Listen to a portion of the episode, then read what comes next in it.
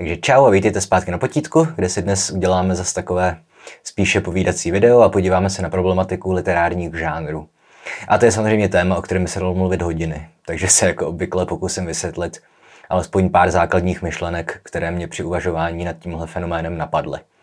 Dnešní epizoda tedy rozhodně nebude nějak normativní, nebude vyloženě vzdělávací, ale spíš vás chci navést k tomu, jaké otázky si můžete při uvažování o literatuře taky klást. I když to neznamená, že na ty otázky existují nějaké jasné, nedej bože správné odpovědi. Ale to jsou prostě humanitní vědy. V nich má zkrátka samotný proces uvažování dost často i důležitější úlohu než výsledek, ke kterému si doberete. Cesta může být cíl, slovy Oldřicha Janaty, nikoliv, aspoň ne původně, Mňágy až Djorb, jak se mnozí milně domývají. A když jsem v minulém souvětí říkal, že tahle epizoda bude dost povídavá, tak jsem si tím dopředu ospravedlnil, že hnedka na začátku videa bude storytime. Eh, protože já jsem dlouhá léta otázku žánru nebral moc vážně a přišlo mi zbytečné nad takovou kategorii vůbec uvažovat. A měl jsem proto sice své vlastní důvody, ale celkem pěkně to schrnují eh, dva citáty. Jeden z knížky Problémy teorie fikce od Jonathana Kalera, druhý jsem slyšel naživo od Tomáše Kubíčka, kterého si doufám ještě pamatujete z poslední epizody o Janu Čepovi, jakožto autora monografie o dvojím domově. A tu Kalerovu hlášku už jsem nepochybně v nějakém videu zmiňoval, protože mě dost pobavila, takže ji zmiňuji pořád. A on tam mluví o tom, že dost dobře nechápe, proč se rozlišuje třeba vůbec tak základní a zdánlivě neproblematická kategorie, jako je beletrie versus literatura faktu. Když vždycky v knihovně v regálu s nápisem literatura faktu, tedy non-fiction, protože v angličtině je to vymezení negativní, takže on tohle označení spochybňuje vždycky, když v regálu z non-fikcí vidí tituly jako Jak se stát za dva měsíce milionářem nebo Jak zhubnout za týden do plavek. A pokud jde o Tomáše Kubíčka, tak ten zase na jedné konferenci, kde jeden z vystupujících přednesl referát o genologii, tedy právě teorie literárních žánrů, tak Kubíček po tom referátu prohlásil, že když si literární kritik neví s nějakým textem rady, zařadí ho do žánru. A když je to úplný interpretační rébus, vymyslí pro něj subžánr. Na druhou stranu, u Kalerova citátu jsem řekl, že je to hláška. A to je přesně to, co to je tedy jenom nějaké celkem vtipné prohlášení, které ale není nějak zvlášť podložené a nedokazuje vlastně téměř nic. Protože fakt, že žánry se mezi sebou na všech úrovních překrývají, je, zcela očividný a banální. Tedy je prakticky nemožné najít text, který spadá výhradně do jednoho žánru. A nejde jenom o to, že fikce s non-fikcí se kříží, že jakýkoliv i vědecký text obsahuje prvky fikce, narrativnosti, ale že třeba i každá detektivka má v sobě třeba prvek romance nebo thrilleru nebo jakéhokoliv jiného žánru. Jo, a, a tyhle překryvy zkrátka platí na všech úrovních. Některá dramata jsou psaná formou básně, někteří autoři píší básně v proze, jiní zase romány ve verších. No a co teprve pokud jde o spíše formálně definované žánry. Tedy pokud máme rozlišit, co je povídka, co novela, co už je román, tedy ve výsledku dost často skončíme u počítání počtu stránek, což je nám při interpretaci textu vážně celkem k ničemu.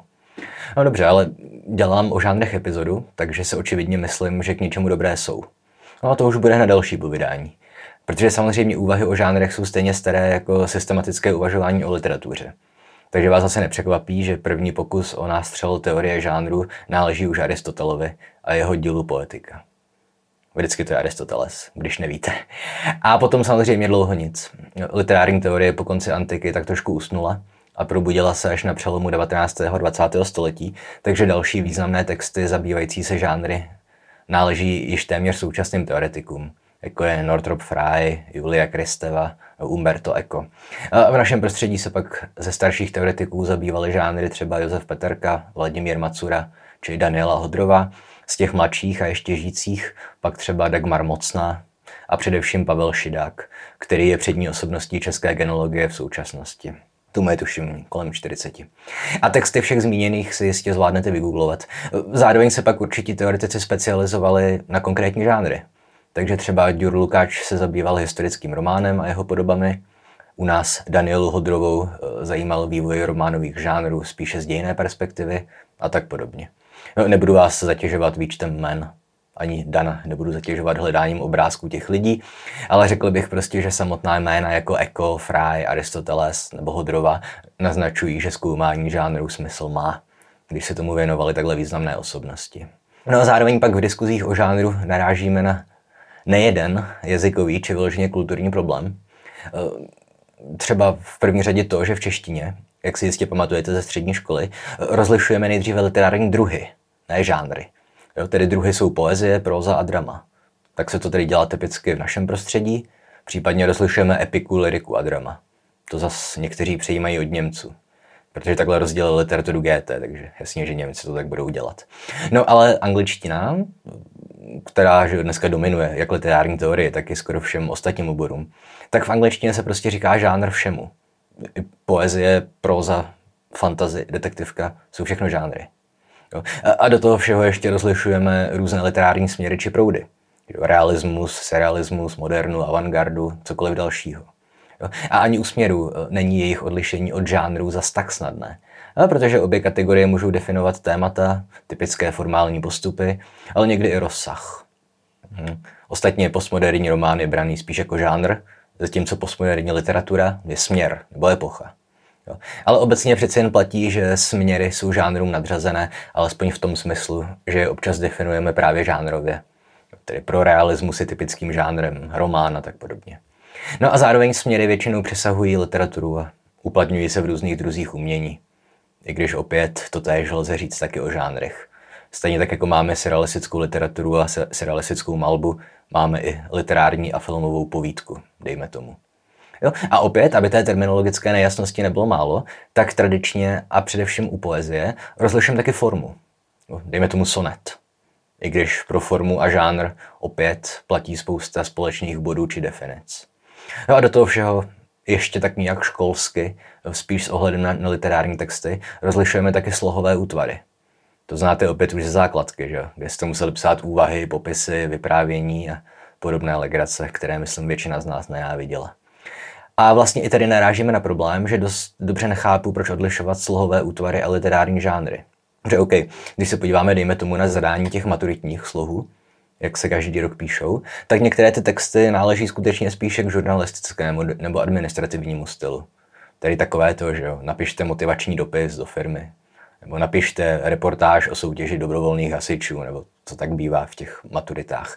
Ale pár let zpátky si pamatuju, že zadání bylo vyloženě ve stylu napište vyprávění z prvky sci-fi či fantazy. A to mi prostě zní jako literární povídka. Nevím, co z toho dělá sluhový útvar a nikoliv literární žánr. Fakt, že se to píše ve škole, asi těžko. A někdo by mohl argumentovat tím, že takový maturantský text postrádá uměleckou hodnotu. No to ale jednak nemůžeme vědět. V 18 letech už někteří spisovatelé tvoří skvělé umělecké texty.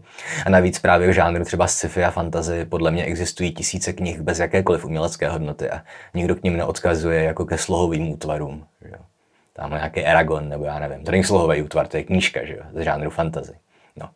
A tohle všechno zmiňuji, protože to, myslím, do nějaké míry podporuje argument těch takzvaných genologických nominalistů, což je komplikované označení pro někoho, kdo prostě tvrdí, že rozlišování žánrů není k ničemu.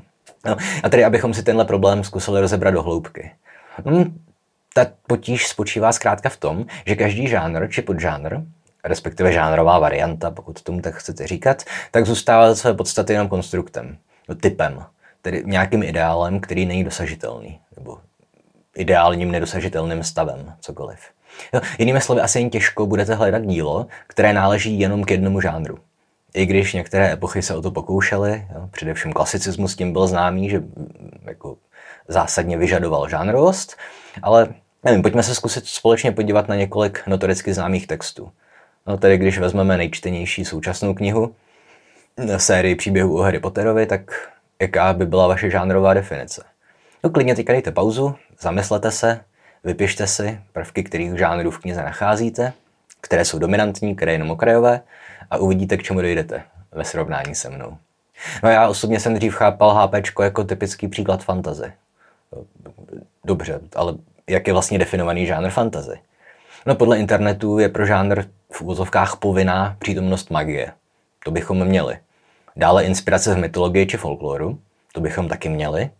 Máme tam vlkodlaky, čaroděje, bubáky, duchy, upíry, jednorožce, draky a vlastně skoro všechno typicky používané v magických světech. Máme tam strašnou spoustu magických stvoření. E, dále se má ale fantazie odehrávat ve fiktivním světě, což už Harry Potter tak úplně nesplňuje. Jo. Odehrává se v hybridním světě, takzvaně. Do nějaké míry v našem normálním prostoru, a přítomnost některých smyšlených míst, jako jsou bradavice nebo prasinky, to už za stolik neznamená. Každý druhý český text bez nároku na fantasy složku se odehrává ve smyšleném městě. Ať už to je Kocourkov, nebo Liptákov, Stínadla, nebo Škvareckého kostelec. No, zároveň ale zasazení do fiktivního světa rozhodně nemůžeme brát jako nutnost pro zařazení textu do žánru, aspoň podle mě. No, on je to zkrátka nesem trend nastavený zakladateli žánru, tedy Louisem a Tolkienem, které zkrátka jejich následovníci vědomě i nevědomě a do větší či menší míry napodobují. Že? Oni měli tu svoji narny, lomeno, středozemi, Ardu. A to jsem se ještě teď nedávno dozvěděl, že Tolkienova středozemě, nebo tedy Arda, mají prý představovat nějaký jako dávnověk u nás na planetě Zemi. A mně se to teda vůbec nelíbí. Nejsem si vědom, že by v kanonických textech o tom byla nějaká zmínka. Já jsem ten svět bral vždycky jako nějakou jinou planetu, nebo spíš alternativní vesmír kde zkrátka platí jiná pravidla než v našem vesmíru, ale budíš. Co se snažím říct je to, že v návaznosti na Tolkienovskou a Lewisovskou tradici se žánr fantasy definuje mimo jiné zasazením do fiktivního světa, což Harry Potter nesplňuje. Jenže to nesplňuje ani řada jiných děl chápaných tradičně jako fantazy. A tady se zase ozývá ta hláška Tomáše Kubíčka, že když si s něčím nevíme rady, vymyslíme proto podžánr, subžánr. No a tak se zkrátka začalo rozlišovat vysoké fantazy, tedy takové to v Tolkienovském stylu, dále, že hra o trůny, zaklínač a potom zbytek. Nevím, jestli se tomu říká nízké fantazy nebo jenom fantazy, to je, to je jedno. Že? Pravda prostě je, že fiktivní světy nejsou nezbytnou podmínkou žánru fantazy. A tak pokud si odfiltrujeme všechno, co není pro žánr fantazy nutné, zůstává nám asi jenom ta přítomnost magie a nejspíš tedy i inspirace v mytologiích. I když o tom by se nejspíš dalo diskutovat.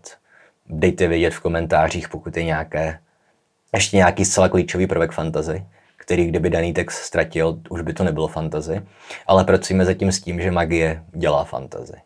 A dejte taky vědět, pokud vás napadá nějaký fantazy příběh, který není inspirovaný v mytologiích. To mě zajímalo, jak by to vypadalo potom. No, ale zároveň další problém je ten, že přítomnost magie není výlučně záležitostí fantazy. Jo, magie je přítomná v první řadě že v lidové slovesnosti nebo u starých textů s nejasným původem, tedy v mytologii, v pohádkách, bajkách, i ve vtipech a v podobných záležitostech. V Shakespeareově je magie, v Biblii je samozřejmě magie, všude je magie. Jo, a jasně, některé žánry je možné od fantazy oddělit snáze. U pohádek je většinou eh, důslednější nějaký apel, eh, výchovná funkce.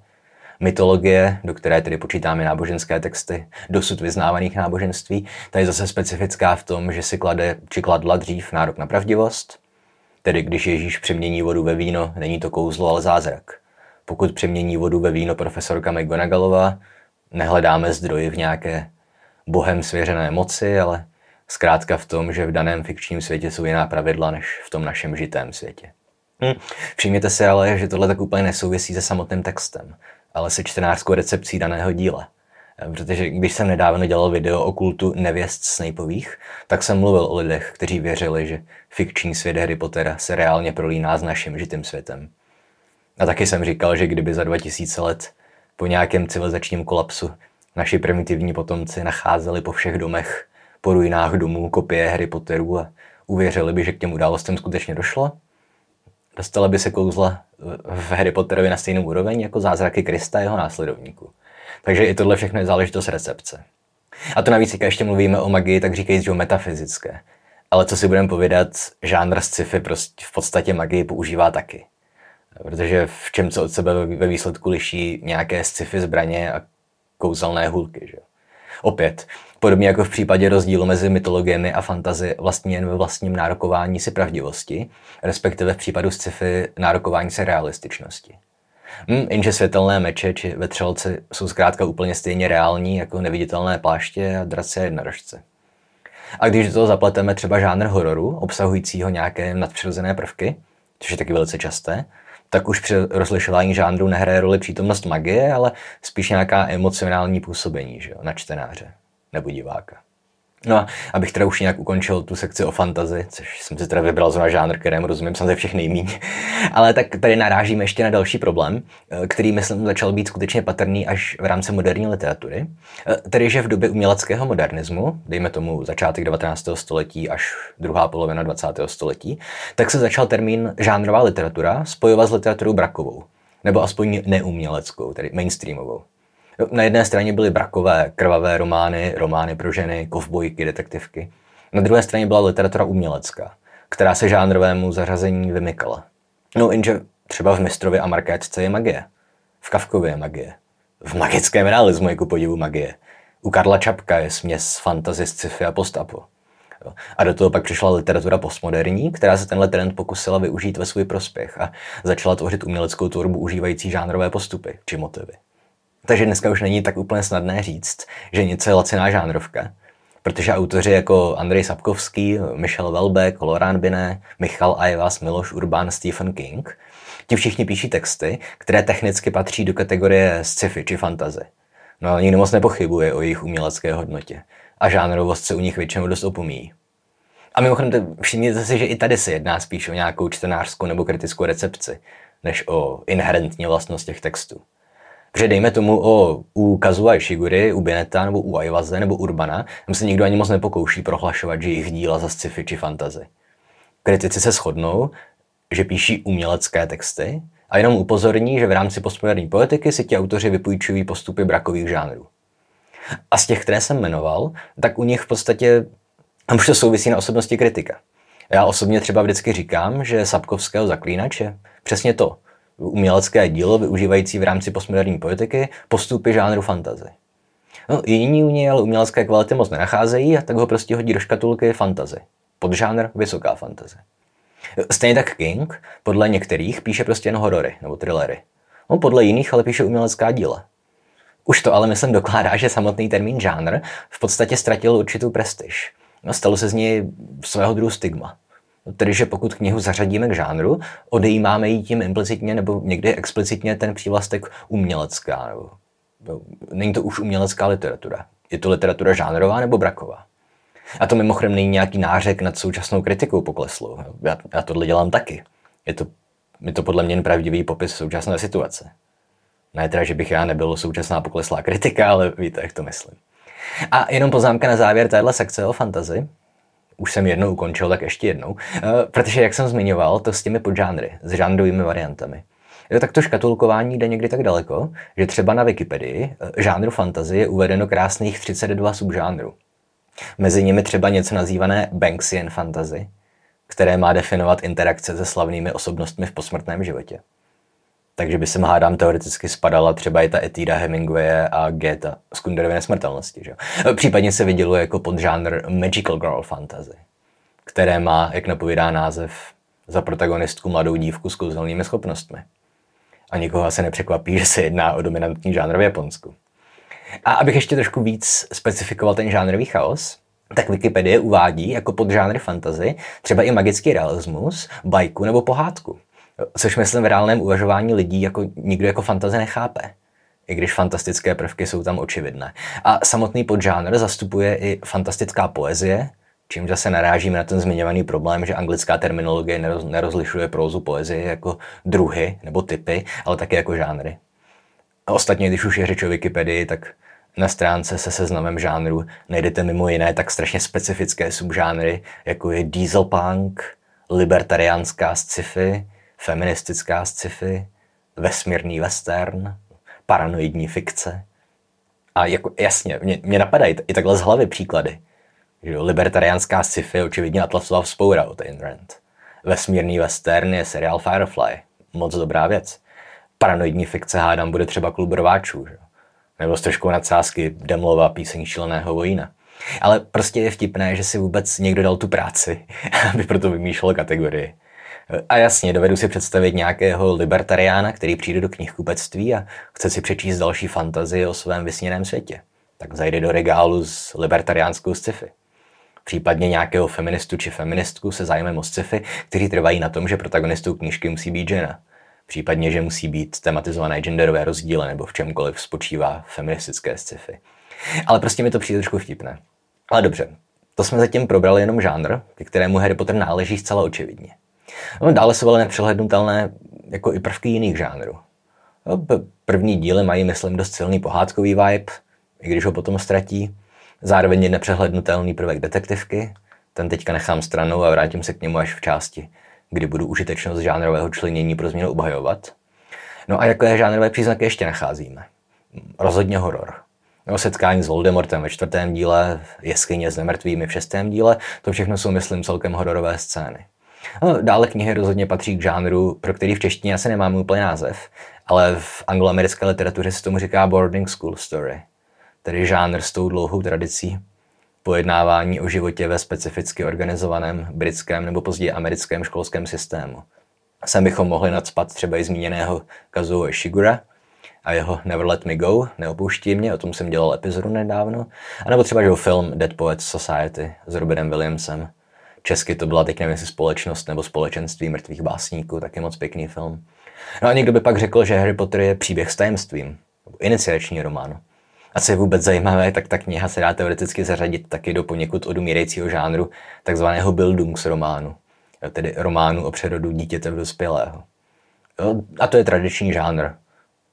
Patří sem texty jako David Copperfield, portrét umělce v dějinožských letech, svým způsobem i kdo chytá v žítě, nebo třeba i Manon Lesko. Problém ale je, že tenhle fenomén, nebo jak to nazvat, tedy knihy o dospívání prostřednictvím nějaké zkoušky či iniciace, tak tenhle motiv se mimo jiné i s Harry Potterem vrátil do mainstreamové literatury.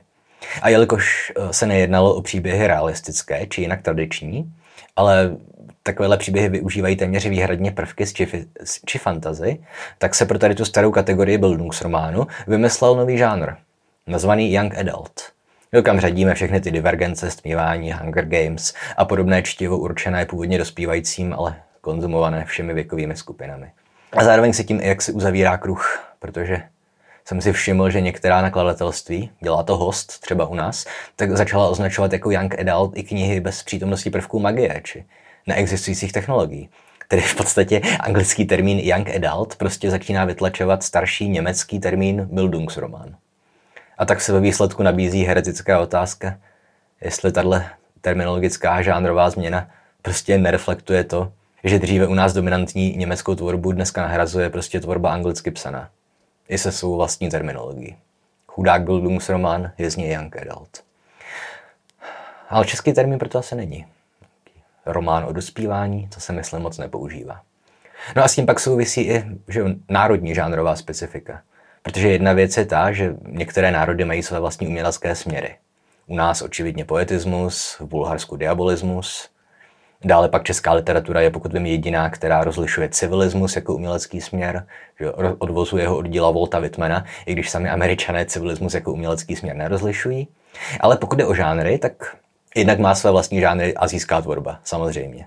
Především japonská, ale i čínská a korejská. A co je zajímavé v našem prostředí, tak třeba česká literatura rozlišuje jako básnický žánr i pásmo. Máme, to znáte, Volkerův svatý kopeček, Nezvalův Edison, podivuhodný kouzelník. Ovšem, francouzská literatura žánr pásma nerozlišuje. I když ten název je samozřejmě odvozený od pásma, že od básně Guillaume Apollinaire. A opět, pokud vás napadají nějaké žánry typické pro některé národní literatury, podělte se v komentářích. Samozřejmě čím exotičtější, tím lepší. No ale dobře, už mluvím docela dlouho. Takže by teď asi bylo dobré, eh, kdybych se zamyslel nad tím, jaký má rozlišování žánrů ve skutečnosti smysl, když doteď jsem to spíš spochybňoval. No, v první řadě jsou tu důvody ryze praktické, ekonomické, vzdělávací. Pokud jde o ty vzdělávací, tak při výuce literatury se chytáme každého stébla, které nám pomáhá knihy nějak klasifikovat, že? aby se to pak studentům snáze pamatovalo. A nebo případně i popisovat a rozlišovat jedno od druhé bez toho, abychom od děsek vyžadovali, že si knihu přečetli. Takže pokud o nějaké knize řekneme, že náleží do žánru politického, dystopického, filozofického románu a studenti si přečetli aspoň teda toho Orwella, dokáží si pak lépe představit, co od té knihy čekat. Pomůže jim to se zařazením autora do nějaké skupiny, protože, jak jsem říkal, v myslím v souvislosti s Jakubem Demlem, tak literární historie i pedagogika prostě nenávidí solitarské, nezařaditelné autory. A tak si pro ně nějakou tu kategorii vymyslí, třeba i mírně násilně. A ten praktický ekonomický důvod je samozřejmě v prodeji knížek. Já úplně nechápu to uvažování, ale pravda prostě je, že někteří lidi mají rádi knihy jen některých žánrů. Někdo čte výhradně fantazy, někdo sci-fi, někdo výhradně detektivky. Pro někoho je naopak odrazující, že jo? pokud kniha spadá třeba do žánru hororu nebo romance. A smysl má samozřejmě i rozlišování fikce a non-fikce. Já už jsem nejspíš zmiňoval příběh Určitě jsem to zmiňoval, to je můj oblíbený příběh. Jak jsem si koupil knížku s názvem Něco ve smyslu Shakespeareovo tajemství.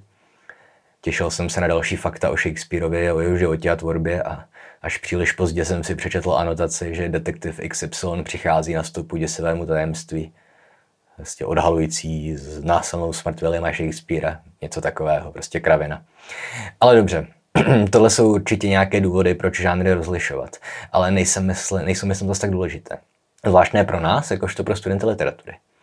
Napadají mě ale minimálně dva zásadní důvody, proč se žánrům věnovat. S tím, že jeden důvod se týká literární historie a druhý interpretace textu. Tedy máme tu diachronní i synchronní pohled. No a pokud je o to historické hledisko, tak zkoumání žánru má očividně smysl v tom, že nám napovídá něco o tom, jak fungovala literatura v té které době. A tím spíš nám pomáhá utvářet komplexnější obraz dějin jako takových. No, protože, jak říká stará dobrá marxistická poučka, literatura vždycky nezbytně reflektuje dobu, ve které byla napsaná. Proto píše třeba marxista, dneska už zmiňovaný, Ďur Lukáč, o tom, že historický román nevypovídá o době, o níž pojednává, ale o době, ve které byl napsaný. Ale tedy, jak to funguje v praxi? No v první řadě na zcela banální a očividné rovině, kde literatura reflektuje společenské poměry.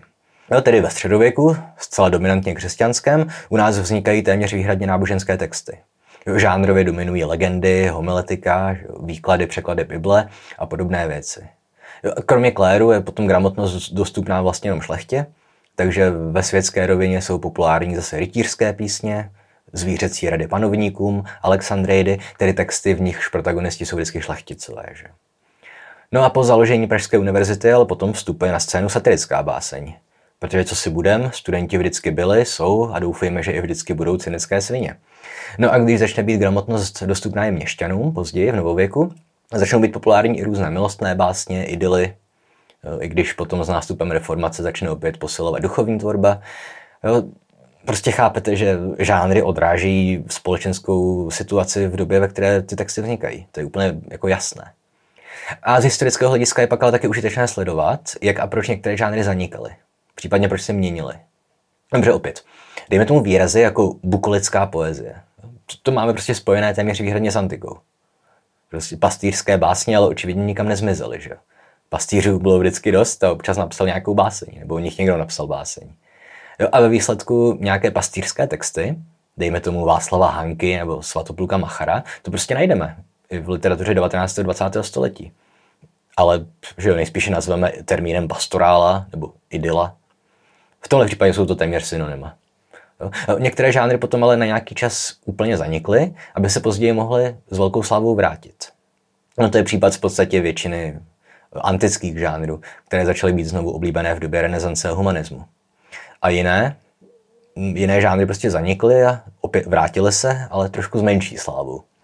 No třeba ve své době populární rytířský román zkrátka odešel, v podobné době jako odešli z mody rytíři samozřejmě, na poslední cestě ho ve velkém stylu doprovodil Don Quixote. Jenže potom na konci 19. století v duchu všech možných post a neo a novo stylu z ničeho nic publikoval Julius Zeyer svůj román o věrném přátelství rytířů Amesa a Amela. Taková méně známá věc, tak středověká skrocená hora, která ale zkrátka ve své době způsobila nesmírně anachronicky. Jakkoliv, myslím, to je celkem zábavné čtení. A samozřejmě rytířský román má své ozvěny. V historickém románu, ve vysoké fantazi, ale zkrátka fakt, že takový žánr de facto zaniknul, má očividně společenské důvody. A vývoj žánrů tedy opět něco prozrazuje obecně o vývoji společnosti, ať už evropské nebo jakékoliv jiné. Podobně něco svědčí o společnosti třeba to, že zanikl žánr hrdinského eposu, respektive, že zanikl žánr eposu jako takového. Jo, poslední hrdinský epos, který hraje skutečně významnou roli v dějinách literatury, je Miltonův ztracený raj, tedy text z poloviny 17. století. A epická poezie obecně ustupuje. Prostě nahrazuje próza, poezie dneska už se spíš píše, že lirika. A to je vtipné, když si vezmeme, že ve starší době se psalo formou poezie skoro všechno. Jo, dokonce byla považovaná za jednodušší, populárnější literární druh než próza. No, nejspíš proto, že stará poezie je skoro vždycky rýmovaná a rytmická, jo, má písňový potenciál. No ovšem potom s nástupem volného verše a potom i z jeho pozdější dominancí, myslím, poezie nezbytně začala ztrácet na masové atraktivitě a stala se z ní elitní záležitost. A prostě dneska se vám nikdo nebude plácat s 800 stránkovým eposem, když prostě ví, že by se ho přečetlo tak 200 lidí max. A stejně tak v podstatě vymezil žánr cestopisu. Když se podíváme, tuším, zhruba do 15. století, tak cestopisů především do svaté země, do Říma, do Santiago, tak vycházely stovky po celé Evropě. A to navíc v době, kdy vydávání knížek bylo dost těžké. No a potom na čas cestopisná moda opadla, ale když se potom otevřel Evropě Orient, tak se nadšení pro cestopis vrátilo. No a dneska už je to zase téměř mrtvý žánr. Jo, existují sice nějaké románové cestopisy, tak nějak se sem dá zařadit i žánr, že jo, takové té cestovatelské besídky, kdy přijede nějaký pán do školy a vypráví, co zažil na Tajvanu. Ale opět, co si budeme povědat, eh, proč si o nějakých cizích krajích číst, když se do nich můžeme v lepším případě sami zaletět podívat. V horším případě si můžeme pustit nějaký zeměpisný dokument, tamhle National Geographic, kde ty cizí kraje máme zprostředkované tak blízko, jak to jenom jde, pomocí kamery. Samozřejmě bychom mohli argumentovat, že cestopisy mají více autentický charakter. Jsou méně vizuální a více zaměřené na prožitek cesty a prožitek nového neznámého prostředí, ale prostě se cestopisným žánrem je to tak, jak to s ním je. No a nově vzniklé žánry no, taky něco vypovídají o naší současné společnosti. I když je těžké říct, co konkrétně, když ještě nemáme odstup. Ale musí být nějaké společenské důvody pro oblibu žánru fantazy, young adult sci-fi. Případně pro historický román a detektivku, které jsou sice populární i dnes, ale na rozdíl od sci-fi a fantazy byly populární vždycky. Nebo dobře, že jo. Detektivka je celkem nový žánr, ale to je jedno. No a kromě eh, těchto historických důvodů je dobré mít základní pojetí o žánrech i proto, že nám můžou pomoct při interpretaci textu. A možná trochu kontraintuitivně, eh, myslím, hraje větší roli to, jak nějaký text ze svého žánru vybočuje, než to, jak dobře žánrovým pravidlům odpovídá. Dobře, opět, pořád dokola opakuju takovéto pravidlo týkající se uměleckých směrů, a sice, že skutečně mistrovská díla většinou nějakým způsobem vybočují ze standardů své doby. Jo? Takhle konec konců funguje to, co Felix Vodička nazval že, imanentním dialektickým vývojem literatury. Tedy, že se ustálí nějaký umělecký směr vždycky a potom přijde nějaký text, který ho výrazně naruší a získá si popularitu až do takové míry, že ostatní autoři ho začnou napodobovat a tak nakonec vznikne nový styl. Ten vytlačí ten starý, ale postupem času zase začne být pro publikum nudný, takže eventuálně přijde další nový umělecký směr a tak dále až do nekonečna. A z žánry to je podobné. Jo, I když u nich je ta soutěživost méně výrazná než u uměleckých směrů, protože žánrů přece jenom může vedle sebe koexistovat tolik, kolik si jich spisovatelé zvládnou vymyslet. Za to umělecké směry tíhnou k jakému si ustanovování vlastní dominance. Ale a to vlastně není poenta toho srovnání žánru a stylu. Původně jsem o tom začal mluvit kvůli tomu, že je to právě nějaká odchylka od dobového schématu, která vede k nějakému vývoji.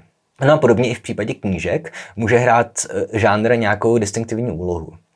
Na jedné straně je ta méně zajímavá varianta, kdy se autoři pokouší nějak vymezovat proti svému žánru.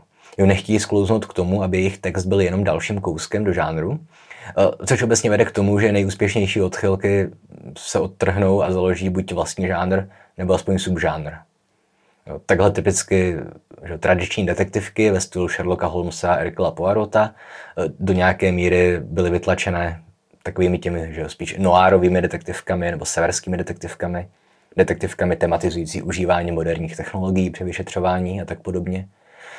V fantazi mám zase pocit, že autoři dost ustupují od takového toho vznešeného fantazy, to Tolkienovského stylu a pokouší se o texty obsahující co největší množství krve, spermatu a z prostých slov.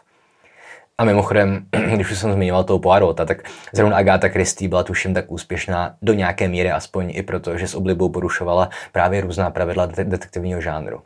Ale opět nejsem odborník na, na detektivky, jak jste si nejspíš všimli, spíš naopak. Ale jsem si jistý, že Agáta Christie byla buď úplně první nebo jedna z prvních autorek, které nechaly vraha vyprávět. A tedy fakt, že se postupem času ustanovují eh, jakési žánrové normy, vede zákonitě k tomu, že se autoři pokoušejí porušovat. A to je skutečně princip podobný tomu, který řídí ten takzvaně imanentní vývoj literatury, literárních směrů. Jo, a druhý interpretační klíč, eh, který nám žánr může nabídnout, eh, spočívá v tom, na co jsem několikrát narazil i na potítku.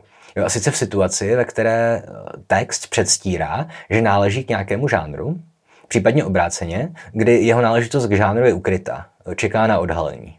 Protože pokud jde o to utajování vlastního žánru, eh, tak o tom jsem mluvil, myslím, dost extenzivně v epizodě on Never Let Me Go od Kazuo Ishiguri, tedy že celá ta kniha je vystavěná na předstírání. Jo, začíná to už názvem, sugerujícím nějakou ubrečenou romantiku, a pokračuje to právě žánrovou kamufláží. První asi čtvrtina knihy se nám zdá, že sledujeme právě už zmiňovaný žánr boarding school story, tedy příběh o dospívání v britské škole internátního typu. A když pak ale dojde k odhalení, teď bude obrovský spoiler alert, že studenti jsou ve skutečnosti klony pěstované na orgány, začneme se myslet, že sledujeme sci-fi příběh a očekáváme jejich spouru. No a ve výsledku vyjde najevo, že jestli má kniha nějakému žádru nejblíže, tak je to nejspíš právě Bildungsroman. I když takový trochu jiný protože sledujeme přerod dětí v dospělé, ovšem nikoli ani tak dospělé lidi, jako spíš dospělá prasata na porážku, abych parafrázoval Harry Pottera. A když jsme se oklikou k tomu Potterovi vrátili, to jsem vůbec nedělal na schvál, eh, tak v jeho případě zase dochází k opačnému postupu. Tedy, že ten, že ten text příslušnost k žánru nepředstírá, ale spíš ji ukrývá. I když nějak zvlášť sofistikovaně, ale dělá to. No, protože přítomnost prvků fantazie a Bildungsrománu, respektive Young Adult, je očividná. A méně očividné je ale to, že ty knihy v podstatě fungují na principu detektivky. O tom jsme i mluvili s Danem na podcastu Kocouři paní Figové, že třeba i takové to klasické zakončení každého dílu, kdy Harry sedí obvykle na ošetřovně s Brumbálem a ten mu vysvětluje celé tajemství, které detektiv Potter se svými dvěma pomocníky celou knihu zkoušel odhalit. Že? To je velice podobný princip tomu z klasické detektivky, kdy kolem sebe ten Poirot nebo Sherlock Holmes schromáždí všechny podezřelé a začne vysvětlovat, k čemu došlo, kdo zločin spáchal a jak to celé narafičil, že bylo tak těžké to odhalit. No těch případů předstírání či zatajování žánrové příslušnosti je plná současná postmoderní literatura. To je na tom principu do velké míry vystavěna. Vys jméno růže, že jo? mnižská detektivka ze středověku. Ale podobné případy známe i ze studie klasické literatury. Roma o Julie předstírá, že je komedie. Don Quixote předstírá, že je rytířský román. Švejk nebo Hlava 22 se tváří jako humoristické knížky. A Vergiliova Eneada skrývá to, že římský národ ani tak neoslavuje, jako spíš ironizuje či vyloženě zesměšňuje. A, a jak už jsem určitě několikrát zmiňoval, tak že původní hvězdné války se tváří jako sci-fi.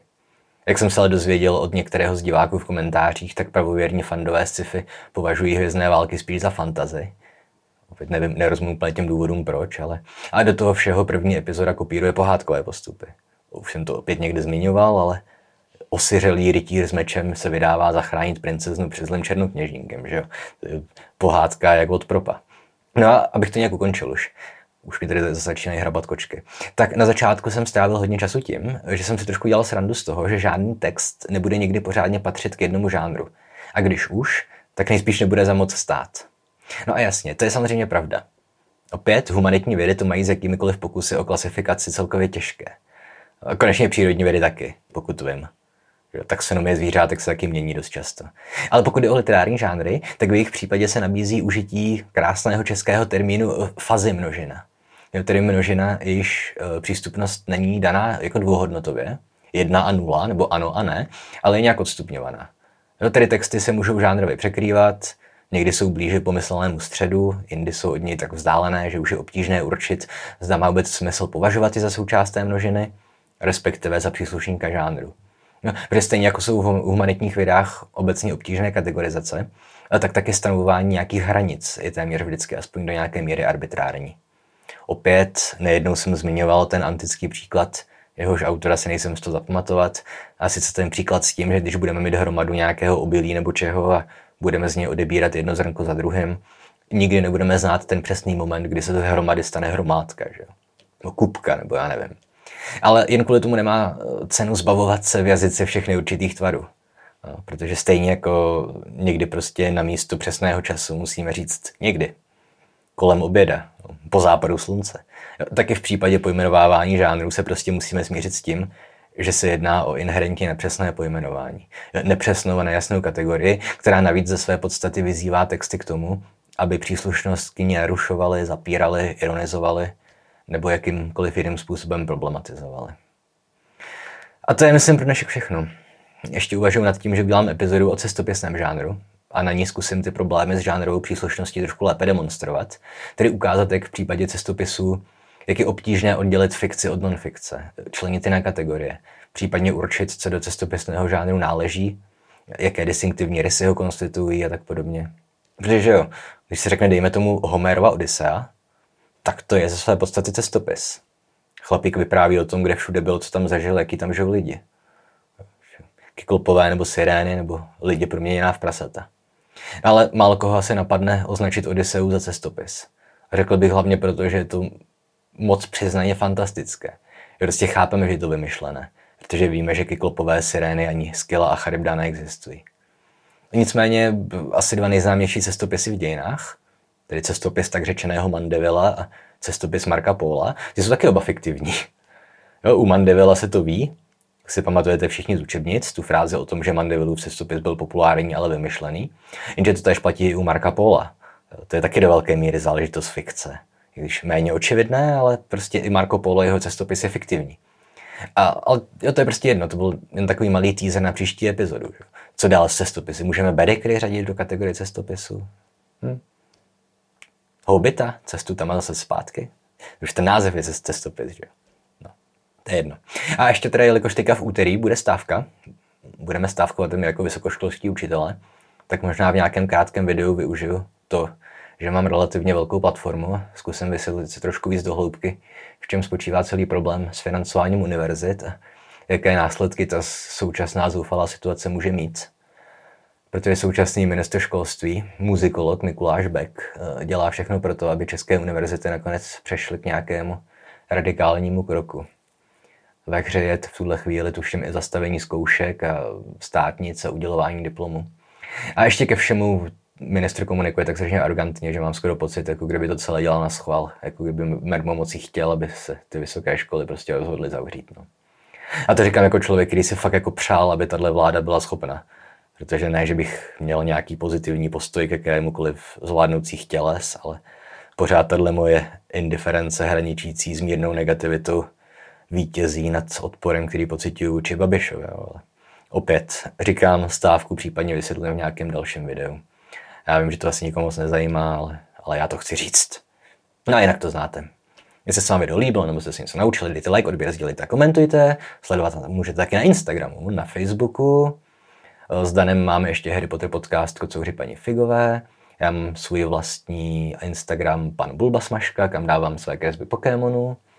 Eh, podpořit finančně nás můžete na Hero Hero za nějaké bonusové epizody teď asi před 10 minut před tím, než jsem nahrával tohle video, tak jsem nahrával bonusovou epizodu o studii Stuarta Halla The West and the Rest, což je téma související hodně s tím, jak vlastně Evropani v době kolonií nahlíželi na, na divochy a jak si vytvářeli jakýsi konstrukt přizpůsobený tomu evropskému uvažování. Strašně zajímavá studie, velice vlivná a i zábavná. Dozvíte se třeba podle nějakého německého cestopisu z 15. století, že v Etiopii žijí lidé se čtyřmi hlavami a na každé z nich mají jedno oko. A v Eritreji mají lidi krky dlouhé jako žirafy a, a tak dlouhé spodní rty, že si dokážou přetáhnout přes hlavu. Je to fakt zábava. Takže tak, čau.